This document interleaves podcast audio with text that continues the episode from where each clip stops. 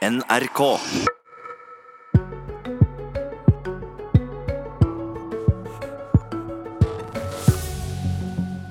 Ny bekymringsmelding om Trond Giske og krisemøte i Trøndelag AUF i dag. Får Trond Giske tillit etter dette? Og miljøeliten er udemokratiske, driver med tungetale, er humørlause og dobbeltmoralske, mener Senterpartiet. En miljøtopp spør tilbake hva som skjedde med Sp som miljøparti. I går kveld kunne VG melde at det var kommet inn en ny bekymringsmelding om Trond Giske til partikontoret i Arbeiderpartiet. Bakgrunnen er en video som er spreid på sosiale medier, som viser Giske dansende med ei ung kvinne på en utestad i Oslo sist helg. Og Linda Bjørgan, politisk kommentator i NRK Trøndelag. Seint i går kveld så meldte Trønderavisa at AUF kaller inn til et ekstraordinært eh, fylkesmøte i dag. Hvorfor eh, er det krisemøte i AUF nå? Ja, først og fremst fordi eh, Trøndelag AUF har støtta Trond Giske hele veien, eh, og ønsker veldig gjerne at han skal få lov å komme tilbake og ha en politisk posisjon i, i fylkespartiet. Eh, og det er klart at Når det dukker opp eh, stadig vekk eh, en del ting som hefter ved Trond Giske, så vil de nok diskutere den situasjonen på nytt. Så det er ikke sikkert at eh, det som valgkomiteen har lagt fram, og som skal legges fram for årsmøtet neste helg, er det som blir det endelige resultatet. Nei, hva, Men hva viser denne videoen som ble spredd i sosiale medier i går og eh, dagene før? Ja, Hvis at en ser bort ifra at dette er Trond Giske, så viser det jo rett og slett en, en mann som danser med ei, eh, ei jente på et eh, utested i, i Oslo. Uh, og Det er vel stort sett det som skjer. Men det er klart at det at det er Trond Giske her, med, den, med det bakteppet han har bak seg, med disse seksuelle trakasseringsvarslene som er, kommet, uh, så blir det jo fort en litt større sak. Ja, for at Kvinna som er med i denne videoen, sier til NRK at dette kan se verre ut enn det faktisk var. Her skjedde det ingenting feil, sier hun. Men kan dette likevel få konsekvenser for Giske? Ja, og det gjør det først og fremst fordi at han sjøl ikke for veldig lenge siden sto fram som en veldig sånn angrende synder, og, og sa at uh, han måtte tenke seg litt om på hvordan han opptrådte når han var ute i sosiale sammenhenger sammen med, med, kvinner, og også i forhold der det var alkohol med i, i bildet. Uh, og han skriver jo sjøl på, på, Facebook uh, et innlegg i, i, dag tidlig om at han Det lureste hadde kanskje vært at han ikke hadde vært på det utestedet i det hele tatt. Eh, og Det er nok eh, en riktig vurdering av eh, Trond Giske sjøl. Han burde ikke ha, ha, dratt ut på et utested der det har vært alkohol og unge, unge damer, for det er veldig mange uti der nå som leter etter episoder og leter etter ting å ta Trond Giske for. Mm, denne bekymringsmeldinga som er sendt inn til partikontoret, den kommer fra en mann som ikke var til stede på utestedet, og han sender den heller ikke på vegne av denne kvinna på videoen, eh, burde en da Har, har Giske noe å frykte i forhold til selve varselet her?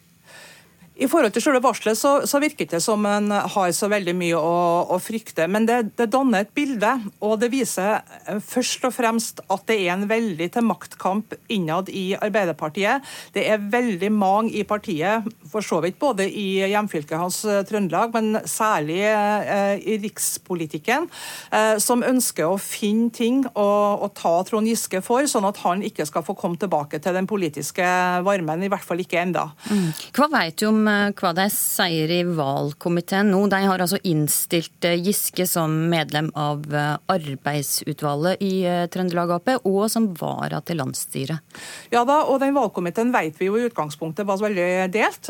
Det var veldig sterke krefter der som jo ønska Trond Giske faktisk helt inn som, som nestleder, mens andre ikke ville ha han med i det hele tatt. Og valgkomiteen hadde jo i utgangspunktet et veldig vanskelig, vanskelig arbeid når de da skulle komme opp med det nye Eh, forslaget til det nye fylkesstyret. Eh, nå eh, merker vi at det både da AUF, som da sitter i valgkomiteen, de skal ha et krisemøte i dag. Og vi har også snakka med andre medlemmer av valgkomiteen som ønsker å ta opp dette til diskusjon igjen. Og som sagt, jeg tror det blir ganske mange møter i Trøndelag Arbeiderparti før neste helgs årsmøte, der dette skal avgjøres. Ja, Det er spennende tider i politikken i Trøndelag. Vi har spurt Trond Giske og eh, partileder Jonas Gahr Støre, partisekretær Kjersti Stenseng og leder av valgkomiteen Jorodd Asphjell om å være med i Politisk kvarter eh, i dag, men det var det ingen som hadde høve til. Takk skal du ha, Linda Bjørgan. Abonner på Politisk kvarter som podkast, og få sendingen rett til din mobil. Klimaeliten skremmer folk vekk fra klimakampen. Det skriver du i et innlegg i Dagbladet, Geir Pollestad, leder i næringskomiteen for Senterpartiet. Og på hva måte mener du at vanlige folk blir skremt vekk av de som kjemper miljøet si sak? Disse klimatoppene, for dem er det ingenting som er godt nok. Eh, du må tro på alle deres tiltak eh, for å være god nok. Eh, de har dårlig eh, humør, eh, og de har et språk som jeg tror er svært vanskelig for vanlige folk å forholde seg til. Så jeg har syntes det har vært rett å sammenligne dem med såkalte sektledere. Og jeg var i tvil om jeg skulle sende denne kronikken, men etter å ha sett reaksjonene fra klimatoppene, så er jeg helt sikker på at det var rett å sende den av gårde.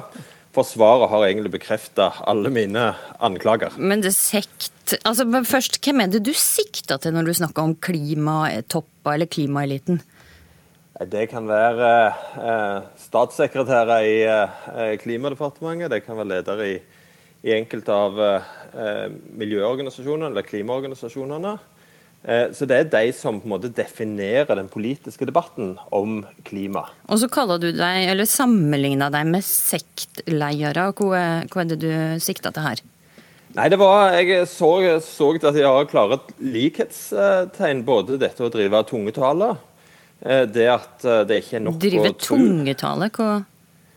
Ja, For å ta det som et eksempel, så var det jo sånn at en eh, gang når eh, statsråd Elvestuen hadde vært på NRK og snakka om klimapolitikk, så snakka han et så vanskelig språk at NRK senere måtte leie inn statssekretæren for å forklare hva han hadde sagt. Og vi har eh, uttrykk som CCS, Paris, CDM, CO2-ekvivalenter, IPCC. Jeg opplever at alle andre eh, interesseorganisasjoner, alle andre interessegrupper, er opptatt av å snakke enkelt, men forbi klimasaken så virker det som at en ønsker å ha dette språket som er vanskelig å forholde seg til for, eh, for folk flest. Eh, og for at denne diskusjonen skal være en eksklusiv greie. Og Det mener jeg svekker klimasaken. Og det er bare mitt, eh, mitt budskap og mitt ønske med å sende, skrive denne kronikken. Sveinung Rotevatn, statssekretær i eh, Klima- og miljødepartementet. Du er her som representant for denne humørlause eliten. Kjenner du deg råka kritikken til Pollestad her? Nei, jeg gjør ikke det. Um, selvfølgelig har Pollestad noen poeng når det gjelder at en må alltid tilstrebe å snakke enkelt, slik at folk forstår. Og humør bør en alltid ha. Det vet jeg at Pollestad også har, det er fint. Men når noen skal drive og stemple motstandere og meningsmotstandere som en elite, slik Pollestad gjør her, og slik Senterpartiet er veldig glad i å gjøre, så er det lurt å ta et steg tilbake og spørre seg ja, hvorfor gjør de det, eh, og er det grunn til å gjøre det. Og Du kan si mye om miljøbevegelsen i Norge og de ulike miljøorganisasjonene, men et slags minstemål for å være en elite må jo være at du har stor makt. Men hva er det en ser da? Er det slik at det er miljøet som får forkjørsrett i oljepolitikken, i gruvepolitikken, i landbrukspolitikken, i byplanlegginga? Det er jo egentlig ikke det. Eh, tvert imot så ser du at miljøinteresse i veldig mange saker, for ikke å si sak etter sak, må vike for næringsinteresse. Så da tenker jeg, hvorfor kaller han likevel miljøbevegelsen for en elite? Jo, det er jo fordi at når du kaller noen for en elite, så er du med på å delegitimere dem som deltakere i en demokratisk debatt. Da sier du at de representerer ikke det ekte folket, de representerer ikke flertallet, de representerer noen helt spesielle som er mektige. Eh, det mener jeg det er lite grunn til å gjøre. Det er et sånn populistgrep som populister i alle land bruker for å delegitimere sine motstandere og si at det er egentlig de som representerer folket. Men det er feil i de fleste tilfeller, og det er i alle fall feil når det gjelder miljøpolitikken. Pollestad, miljørørsla har ikke så mye makt, og det finnes ikke noe mektig miljøelite som egentlig styrer alt her. Nei, men det er Hele hensikten med min, uh, mitt innlegg det er jo at jeg ønsker å gi dem mer makt. Men jeg mener at en av de tingene som svekker deres gjennomslag, er nemlig eh, måten en opptrer på. Eh, hadde en fått en, en bredere engasjement for eh, klimasaken, så tror jeg Det ville vært positivt. Og Så er det klassisk det som Rotevatn nå gjør. Jeg eh, brukte tre uttrykk om disse, disse folka. Jeg skrev klimaledere, jeg skrev klimatopper og jeg skrev klimaelite. Eh, og han henger seg opp i elitebegrepet og vrir det rundt og slenger tilbake populisme. Men det som jeg mener er viktig, det er at disse folka definerer vår viktigste debatt. Eh, og den ønsker jeg skal høyere opp på dagsordenen. Jeg håper at miljø- og klimakrav får større aksept, får større gjennomslag i den politiske debatten. Og da er det viktig at dette ikke går seg vilt i noen sitt ego og noen sitt selvbilde, og et eh, språk som folk ikke kan forholde seg til. Og en stadig kritikk. Jeg tror at enten en er klimaminister fra Venstre eller SV eller Høyre eller hvilket som helst parti, så tror jeg det er én gruppe han føler aldri er fornøyd, og det er klima- og miljøbevegelsen. Men vil du rett og slett ha en mer sånn glad og fornøyd, blid miljøbevegelse? Er det liksom er det det du ønsker? Ja, altså de, de, kan, de, kan, være sinte innimellom, eh, men jeg mener at eh, de bør prøve å snakke eh, på en måte som folk får lyst til å være med. Jeg tar ett eksempel. og det er når, når en skal snakke om folk som må kjøre bil til jobb. Eh, så bruker en uttrykket fossilbil. Eh, der andre folk tenker at dette er en bensinbil eller en dieselbil eller kanskje bare en bil.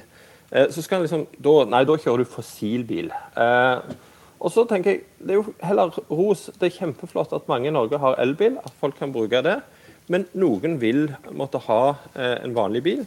Ja, aksepter det, og tenk heller at hvis disse folka er kjempeflinke og ikke kaster mat, eh, hvis de begrenser seg med en flytur ekstra, eh, altså gjør andre tiltak, så ros heller det, i plassen for å være så kritisk mot eh, alt og alle.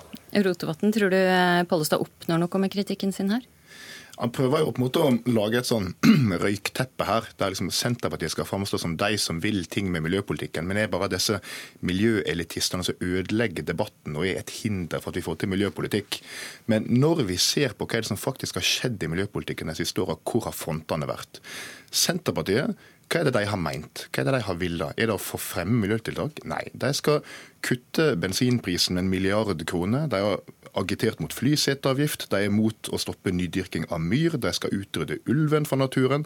De snakker ned elbiler som en sånn byting. De skal kutte i bompenger. De vil ha gruveslam i fjordene. De skal ha så masse kjøtt som overhodet mulig. De er mot å eksportere fornybar energi. Det er jo de som er det partiet og den aktøren i norsk debatt som i størst grad er mot ethvert klimatiltak. Og det er ikke det bare jeg som sier. For noen år siden Nei, så det sier dere alle. Ja, og da har en kanskje et poeng da, Pollestad. For for et par år siden så gikk forskningsstiftelsen Cicero gjennom alle partier på Stortinget sitt alternative budsjett. Hvordan ville klimaeffekten av det være? Senterpartiet var det partiet som hadde det dårligste budsjettet for klima og miljø. Og det er ikke en miljøorganisasjon, det er det forskere som sier. Så jeg tror kanskje nå at Senterpartiet bør bruke litt mer tid på å skrive kronikker om hva dere vil i miljøpolitikken, annet enn å være mot ting, i stedet for å snakke ned de som faktisk gjør noe. Ok, Pollestad. Ja, nå, nå, gjorde Rotevatn igjen akkurat det jeg kritiserer han for. For realiteten er at 99% av norsk klimapolitikk er det enighet om. Og så har Senterpartiet noen ting som er imot. Vi er imot uh, Det høres ikke slik ut når Rotevatn eh, lekser opp her. Nei, det er fordi at han velger å se vekk fra alt som Senterpartiet står for som er positivt. Men hovedlinjen er menig. Nå, nå skal du høre. Hovedlinjen er enig. Vi er mot noen ting som øker i drivstoffavgiften og forbud mot nydyrking av myr f.eks. Men så har jo vi en rekke tiltak som vi er for. Eh, som, eh, som, Venstre eh, ikke har vært med på. F.eks. når vi ønsket å stemme mot en tredje rullebane på Oslo lufthavn, når vi vil gjøre tiltak for å få mer miljøvennlige lastebiler, så går en mot. Vi har mer penger til jernbane i våre alternative budsjett. Og når Rotevatn kritiserer oss for gruveslam i fjordene, så mener jeg at det er jo en beslutning som regjeringen har tatt. Så det bør en faktisk ta opp med noen som sitter i regjering. Og jeg vil anbefale han å ta det opp med statssekretæren i Klimadepartementet hvis han er så himla opptatt av det. For her sier han at Senterpartiet er mot alle tiltak, men realiteten er at vi har en lang liste med klimatiltak. Og jeg mener at vårt alternative budsjett er mer klimavennlig enn regjeringens budsjett. Ja, Rotevatn, du sitter jo sjøl i ei regjering som vil dumpe gruveslam i fjordene. Ja, det Vedtaket ble fattet i 2016 med full støtte fra Senterpartiet. Men når Pollestad sier at hans budsjett og deres politikk er så bra for klima, så mener sikkert han det. Men det er altså ingen andre som er enige med deg. Ingen i miljøbevegelsen, ingen forskere. Og da tenker jeg det er kanskje på tide å se litt på seg sjøl. Hvorfor har Senterpartiet blitt det partiet som er mest miljøfiendtlig på Stortinget? Det bør de gjøre noe med før neste valg. Og der må jeg dessverre avslutte, for denne sendinga går mot slutten. Takk for eh, debatten. Jeg vet ikke om den blei humørløs eller ikke. Sveinung Rotevatn og Geir Pollestad. I studio denne morgenen var Astrid Randen.